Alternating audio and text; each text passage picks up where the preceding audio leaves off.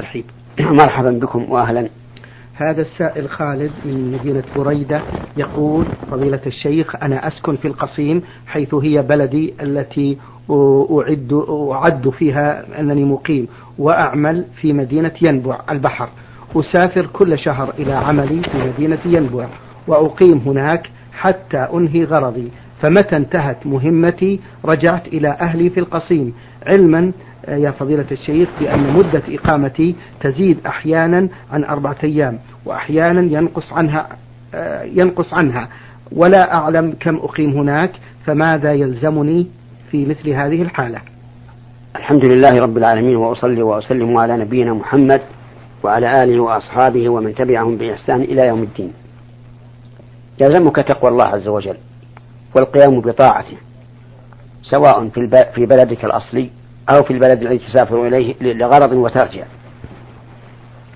أما بالنسبة للسفر فأنت مسافر. إذا فارقت بلدك فأنت مسافر. لك أن تترخص بجميع رخص السفر. ولكن ما دمت إن كنت مقيما في بلد تقام فيها الجماعة وجب عليك أن تحضر صلاة الجماعة لعموم الأدلة الدالة على وجوب حضور الجماعة. لكن لو قدر أن المساجد بعيدة عنك أو أنها فاتتك الصلاة فلك أن تقصر حتى ترجع إلى بلدك الأصلي. أحسن الله إليكم. سائل من الجزائر يقول فضيلة الشيخ يقول كيف يكون الاعتدال والتوازن في الإسلام؟ آه الاعتدال والتوازن في الإسلام. أن يقوم الإنسان بطاعة الله. غير مقصر فيها ولا زائد. لأن دين الله بين الغالي فيه والجاف عنه فالتكلف والتنطع غير مشروع في الإسلام. والتقصير والتهاون غير مشروع. فليكن الإنسان وسطا. ولهذا نهى النبي حذر النبي صلى الله عليه وسلم أولئك النفر الذين قال بعضهم أنا أصوم ولا أفطر وقال الثاني أقوم ولا أنام وقال الثالث لا أتزوج لا أتزوج النساء. أنكر عليهم النبي صلى الله عليه وسلم ذلك وقال أنا أصوم وأفطر وأقوم وأنام وأتزوج النساء فمن رغب عن سنتي فليس مني. لأن هؤلاء تنطعوا وزادوا. والمقصر أيضا يقصر على اسمه يفرط في دين الله عز وجل فيجب عليه الاستقامة والقيام بما يجب. نعم. أحسن الله إليكم وبارك فيكم يا فضيلة الشيخ. هذا سائل محمد بالقاسم يقول في هذا السؤال أسأل عن الاستماع إلى الأناشيد الإسلامية ما حكمه؟ أولا ينبغي الإنسان أن لا يستمع إلا إلى شيء يجد فيه منفعة بدون مضرة كالقرآن والأحاديث. والأحكام الفقهية. وغيرها مما ينتفع به السامع. أما الأناشيد فالأناشيد الإسلامية كما يقولون ينظر فيها ما موضوع القصيدة وكيفية أدائها وهل يحصل بها فتنة وهل تصد عن الاتعاظ بالقرآن والسنة. فإذا كان موضوع هذه الأناشيد موضوعا باطلا كأناشيد الصوفية مثلا أو نحو أو نحوها فلا يستمع لها. وإذا كان أداؤها على نحو أداء المغنين أصحاب الفن أو على نحو أداء الصوفيين فلا يستمع لها. ومن ذلك إذا كان فيها طبل أو ضرب على الأرض. وما أشبه ذلك. وإذا كانت بأصوات مغرية. كأصوات المردان التي قد تثير الشهوة. فلا يستمع لها. وإذا خشي أن لا يتعظ قلبه إلا بها وصارت هي ديدنه فلا يستمع لها. المهم أن لها شروطا لا بد من مراعاتها. نعم. أحسن الله إليكم. السائل يقول في هذا السؤال ما حكم هجر الزوجة فوق ثلاثة أيام؟ يجب أولا أن نعلم أنه من الواجب. الذي تكون به سعادة زوجية أن تكون العشرة بين الزوجين على أحسن ما يرام. لقول الله تعالى وعاشروهن بالمعروف. لا يستطيل عليها ولا تقصر في حقه. ثانيا فإن لم يمكن فقد قال الله تبارك وتعالى واللاتي تخافون نشوزهن فعظوهن واهجروهن في المضاجع واضربوهن والهجر في المضاجع إلى أن تستقيم ليس له حد. فإن لم يمكن وخيف الشقاق بينهما وجب على الحاكم أن يقيم حكمين. يعرفان الأمور يعرفان أحوال الزوجين ويعرفان المصلحة في التفريق أو الجمع. ويتقيان الله عز وجل وينظران في الأمر أمر الزوج والزوجة. وإن يريد إصلاحا يوفق الله بينهما.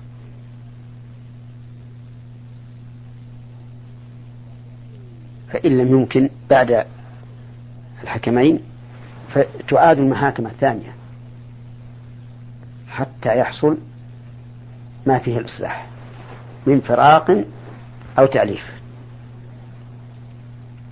ولكن إذا كانت المرأة تكره الزوج ولا تطيقه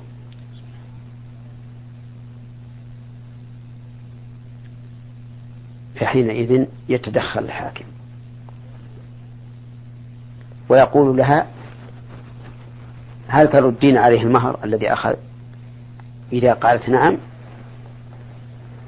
طلب من الزوج أن يطلقها على مهرها. كما فعل النبي صلى الله عليه وعلى آله وسلم في زوجة ثابت بن قيس بن شماس. فإنها رضي الله عنها نشزت عن زوجها وكرهت وأتت إلى النبي صلى الله عليه وسلم. وقولي نشزت يعني فيما يظهر وقد تكون لم تنشز وأن من حين حصل ما في قلبها ذهبت إلى النبي صلى الله عليه وعلى آله وسلم وقالت يا رسول الله ثابت بن قيس لا أعيب عليه في خلق ولا دين. مستقيم الدين مستقيم الخلق. لكني أكره الكفر في الإسلام. يعني كفران الزوج. فقال لها أثر الدين حريقته عليه؟ قالت نعم. فأمره أن يأخذ الحديقة ويطلقها. يعني يفارقها. ففعل. لكن قال اختلف العلماء هل قول الرسول صلى الله عليه وعلى آله وسلم لزوجها ثابت طلقها أمر إلزام أو أمر إرشاد؟ فمنهم من ذهب إلى أنه أمر إلزام وقال إذا لم تستقم الحال فما الفائدة من البقاء والزوج ضمنت له أو ضمن له ما دفع لها. فلم يبقى عليه ضرر. والزوجة لو عادت إليه لا تزيد الحال إلا سوءا. وهذا لا أستطيع أن أقول إنه هو الصواب ولا أن الإرشاد ولا أن الأمر الإرشاد هو الصواب. أقول الأمر دائر بين الإرشاد وبين الوجوب ويرجع في هذا إلى نظر القاضي في الق... إلى نظر الحاكم في القضية. قد يرى أن من الواجب أن من الأفضل أن يطلق على الزوج إذا أبى أن يطلق. وقد يرى أن من من الأنفع أن تبقى الزوجة. أحسن الله إليكم. لهذا التوجيه. السائلة فعين من القصيم الفوارة تقول عندي هذا السؤال أرجو من الله ثم منكم الإجابة على عليه لفضيلة الشيخ محمد بن صالح بن عثيمين. تقول أنا يوجد عندي ألم بأرجلي بصفة دائمة وخاصة بالمفاصل وهذا يعيق جلوسي بين السجدتين حيث إنني لا أستطيع الجلوس بل إنني أتكي على يديني أما جلوس الشهادتين فإنني أمد آه، رجلاي وأجلس على كرسي. وكذلك أفعل بالسنن أفيدوني جزاكم الله خيرا. إفادتها أن تقرأ قول الله تبارك وتعالى لا يكلف الله نفسا إلا وسعها. وقوله تعالى فاتقوا الله ما استطعتم. فإن استطاعت أن تجلس الجلوس المعتادة في الصلاة فعلت. وإن لم تستطع إلا متربعة فعلت. وإن لم تستطع إلا معتمدة على يديها فعلت. حسب ما تستطيع. لأن الله سبحانه وتعالى غني عن تعذيب أنفسنا. قال الله تعالى ما يفعل الله بعذابكم إن شكرتم وآمنتم. هل تتقي الله حسب استطاعتها. لما ذكرنا من الآيات؟ ولقول النبي صلى الله عليه وعلى آله وسلم لعمران بن حسين صل قائما فإن لم تستطع فقاعدا فإن لم تستطع فعلى جنب. نعم. هذا السائل يقول يا فضيلة الشيخ هل يجوز آه، آه، يقول في سؤاله هل تخليل اللحية يكون بعد غسل الوجه أم أثناء غسل الوجه؟ تخليل اللحية يكون أثناء غسل الوجه. لأن ما ظهر من اللحية من الوجه. فيكون تخليلها تبعا لغسل الوجه أي مع غسل الوجه. نعم. أحسن الله إليكم. أحد الإخوة يسأل في سؤاله هذا ويقول هل يشرع رفع اليدين في الدعاء بعد الصلاة؟ وما هي المو... المواطن التي يشرع فيها رفع اليدين؟ آه الدعاء بعد الصلاة ليس بمشروع سواء رفع يديه أم لم يرفع يديه. لأن ذلك لم يرد عن النبي صلى الله عليه وعلى آله وسلم. إنما ورد عنه في الفريضة الأذكار المعروفة. التي بينت مجمل قوله تعالى فإذا قضيتم الصلاة فاذكروا الله قياما وقعودا وعلى جنوب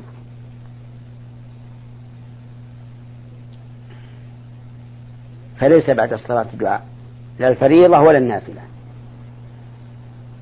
ولهذا لما قال لما علم النبي صلى الله عليه وعلى آله وسلم أمته التشهد قال ثم ليتخير من الدعاء ما شاء. فجعل ما بين التسليم ما بين التشهد والتسليم محلا للدعاء بما شاء الإنسان. وعليه فنقول ليس من السنة أن يدعو بعد الصلاة لا رافعا يديه ولا غير رافع. وأما استغفار الإنسان بعد الصلاة فلأنه تابع لها وإن من المعلوم أن الإنسان إذا سلم من صلاة الفريضة استغفر ثلاثا. لكن يقال إن هذا تابع للصلاة. من أجل أن كل إنسان لا يمكن أن يقول إني إنه صلى صلاة تامة. لا بد من نقص. فيسأل ربه أن يغفر له. السائلة سين ميم جيم من وادي الدواسر تسأل وتقول امرأة تبلغ من العمر 37 عام. عندها مشكلة في الدورة الشهرية منذ سنتين تقريبا حيث يستمر معها ما يقارب من 20 يوم أو 22 يوم. في الأيام الأولى تنزل كدرة تنزل يوما وتتوقف يوم. في بعض الأحيان تستمر يوما كاملا وفي بعض الأحيان تستمر نصف اليوم. ثم في الأيام الأخيرة ينزل دم أحمر ثم بعد يومين أو ثلاثة يعود إلى كدرة وهكذا. وفي رمضان العام الماضي حدث لها هذا وقد أتمت صيامها وتقول أنا في هذه الحالة هل صيامي صحيح وصلاتي أم أنه يجب علي القضاء ما صمت من هذا الشهر وكيف أؤدي صلاتي مستقبلا؟ جزاكم الله خيرا يا فضيلة الشيخ. هذا الدم الذي يصيبها أكثر من عشرين يوما هذا دم استحاضة فترجع إلى عادتها من قبل. إذا كان عادتها من قبل سبعة أيام في أول الشهر مثلا. نعم. تجلس من أول الشهر سبعة أيام ثم تغتسل وتصلي فروضا ونوافل. ولو كان الدم يجب. لكن إذا أرادت الصلاة فإنها تغسل أثر الدم ثم تتحفظ بالحفائظ المعروفة ثم تتوضأ بغسل الأعضاء الأربعة غسل اليدين آه الوجه ثم اليدين ثم مسح الرأس ثم غسل الرجلين وتصلي فروضا ونوافل. وإذا دخل وقت الصلاة الثانية تفعل كذلك. وإذا دخل وقت الثالثة تفعل كذلك. وإذا دخل وقت الرابعة تفعل كذلك. وإذا دخل, وقت الخامسة تفعل كذلك. وإذا كان يشق عليها فإنها تجمع بين الظهر والعصر. إما جمع تقديم أو جمع تأخير.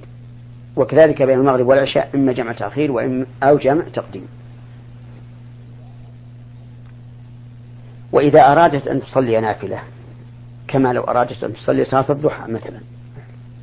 تتوضأ عند إرادة الصلاة كما وصفنا يعني تغسل محل النجاسة تلجم يعني تحفظ ثم توضأ وتصلي. نعم. أحسن الله إليكم. هذا سائل آه، يقول في هذا السؤال فضيلة الشيخ هل يجوز جلوس الزوجة مع أخي الزوج في وسط عائلي والمرأة يعني متحجبة الحجاب الشرعي؟ نعم لا بأس. لكن لا تكون مما يلي أخ الزوج. تكون في جهة أخرى. وأحسن ما يكون في هذه الحال في العوائل أن يكون الرجال في أعلى المجلس والنساء في في أدنى المجلس حتى يبتعد بعضهم عن بعض. نعم. أحسن الله إليكم. أم صهيب من الأردن أرسلت بهذا السؤال. تقول فضيلة الشيخ كانت حامل في الشهر الثاني أو أقل وأسقطت الحمل عمدا كرها في الحمل تقول ولكنها ندمت. ندما شديدا على عملها وتابت إلى الله عسى تقول عسى ربي أن يغفر لي خطيئتي. وبعد ذلك أنجبت أولاد هل في هذا كفارة؟ وما المطلوب منها الآن؟ ليس عليها كفارة.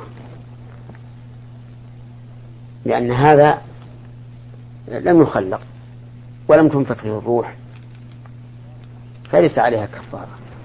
لكن يؤسفني أنها أجهرت الحمل عن الجنين كراهة للحمل. لماذا تكره الحمل؟ أليس النبي صلى الله عليه وعلى آله وسلم قد قال تزوجوا الودود الولود؟ وهذا يدل على أنه عليه الصلاة والسلام يرغب في كثرة الأولاد. وهو كذلك. الأمة إذا كثرت ازدادت قوة وهيبة بين الأمم. واكتفاء بذاتها عن غيرها. فلماذا نفر من من من كثرة الأولاد؟ لولا الجهل ما كنا نذهب المذاهب الشتى من أجل تقليل الحمل نعم. أحسن الله إليكم. تقول فضيلة الشيخ أريد أن أذهب إلى مكة لأداء عمرة لي. هل يجوز لي بعد أن أتحلل من العمرة أن أحرم بعمرة أخرى لوالدي المتوفى أهبها له؟ ثم يجوز هل يجوز أن أتحلل من عمرة والدي وأحرم بعمرة أخرى لوالدتي؟ أفتون مأجورين. يعني ثلاث عمرات في وقت واحد عمرة لي وعمرة لوالدي وعمرة لوالدتي. هذا من البدع. أن يأتي الإنسان بأكثر من عمرة في سفر واحد لأن العبادات مبناها على التوقيف. ولم يرد عن النبي صلى الله عليه وعلى آله وسلم ولا عن أصحابه أنهم كانوا يترددون إلى التنعيم ليحرموا مرة ثانية وثالثة ورابعة. وها هو النبي صلى الله عليه وعلى آله وسلم حين دخل مكة في عمرة القضية. مكث ثلاثة أيام ولم يعد العمرة مرة أخرى. وفي فتح مكة بقي تسعة عشر يوما ولم يأتي بعمرة.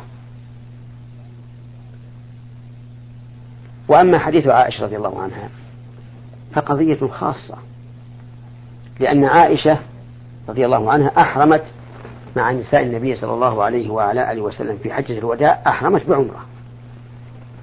وفي أثناء الطريق حاضت. فدخل عليها النبي صلى الله عليه وعلى آله وسلم وهي تبكي.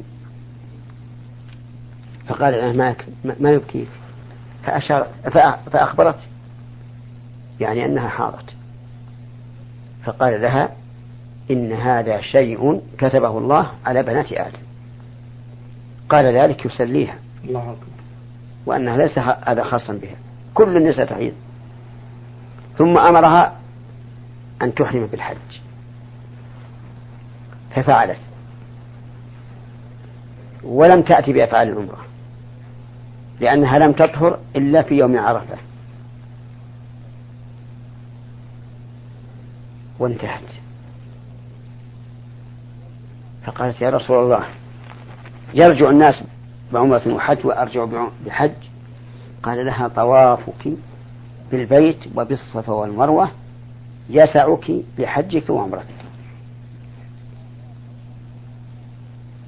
فصار طوافها وسعيها أجزاء عن نسكين ولكن رآها مصرة على أن تأتي بعمرة. فأذن لها صلى الله عليه وسلم أن تأتي بعمرة. وأمر أخاها عبد الرحمن أن يخرج بها إلى التنعيم لتأتي بعمرة.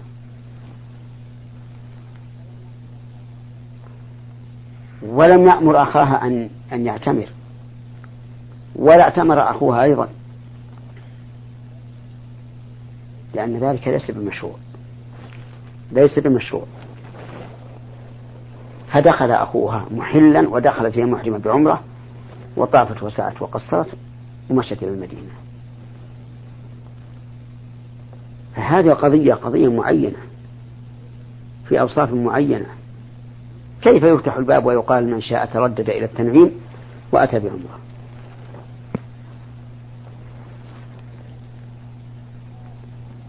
فنقول لا عمرتان في سفر واحد. هكذا. نعم. جزاكم الله خير يا شيخ محمد. آه الأخت تقول في هذا السؤال لو تكرمتم من فضيلة الشيخ أن تذكروا لي بعض الأدعية الواردة في السجود وما هو أفضل الدعاء؟ نعم. إن النبي صلى الله عليه وسلم قال أما السجود فأكثروا فيه من الدعاء فقمن أن يستجاب لكم ولم يعين. لكن من الوارد أن يقول الإنسان سبحانك اللهم ربنا وبحمدك اللهم اغفر لي. وأن يقول سبوح قدوس رب الملائكة والروح. فإن هذا ذكر يتضمن الدعاء. وأما قول سبحان ربي الأعلى فأمر مفروغ منه لأنه واجب.